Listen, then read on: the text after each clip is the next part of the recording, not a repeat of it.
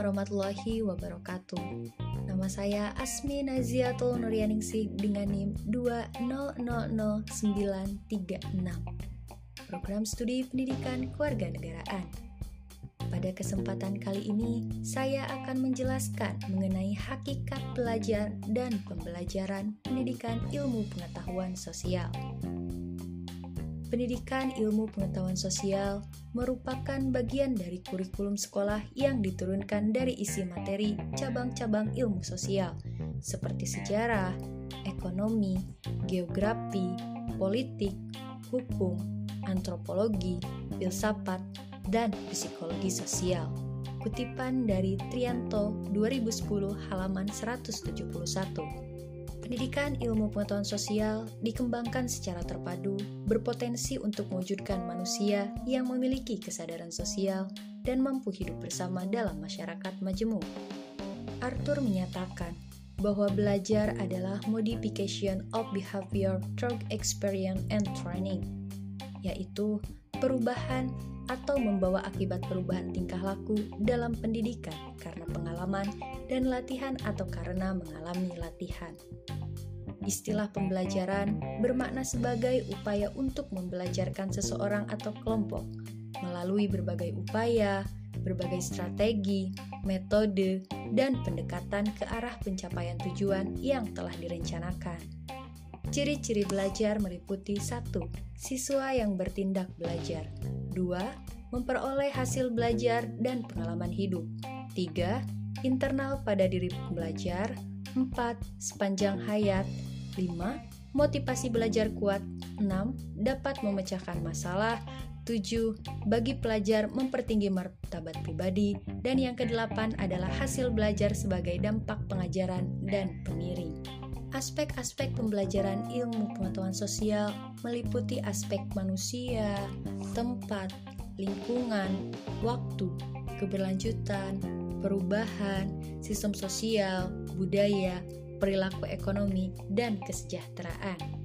Keberhasilan pembelajaran pendidikan ilmu pengetahuan sosial dapat dipengaruhi oleh unsur-unsur belajar, baik dari unsur luar maupun unsur dalam. Unsur luar adalah lingkungan. Lingkungan alami seperti keadaan suhu, kelembaban udara, dan pengaruh proses dan hasil belajar. Yang kedua adalah lingkungan sosial lingkungan sosial baik berwujud manusia maupun yang lainnya sangat berpengaruh terhadap proses dan hasil belajar. Yang ketiga adalah instrumental yang terdiri dari kurikulum, program, sarana dan prasarana, serta guru sebagai pendidik. Sedangkan unsur dalam meliputi kondisi fisiologis dan kondisi psikologis para peserta. Dikutip dari Nasution 1994.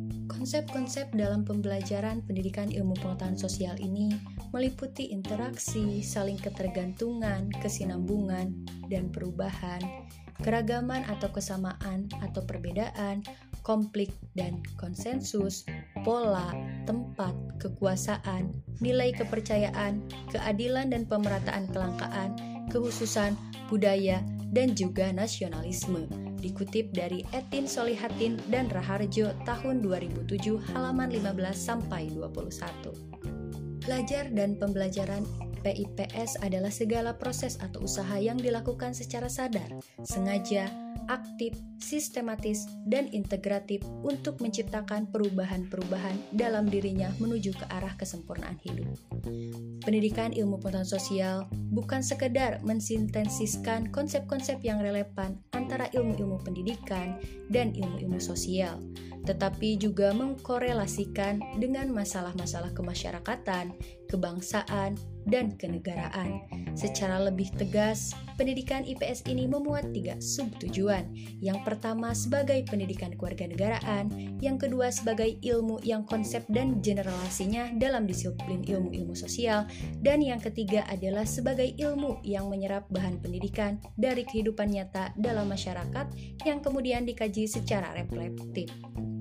Secara umum, pembelajaran PIPS menjadikan peserta didik sebagai warga negara yang baik, dengan berbagai karakter yang berdimensi spiritual, personal, sosial, dan intelektual.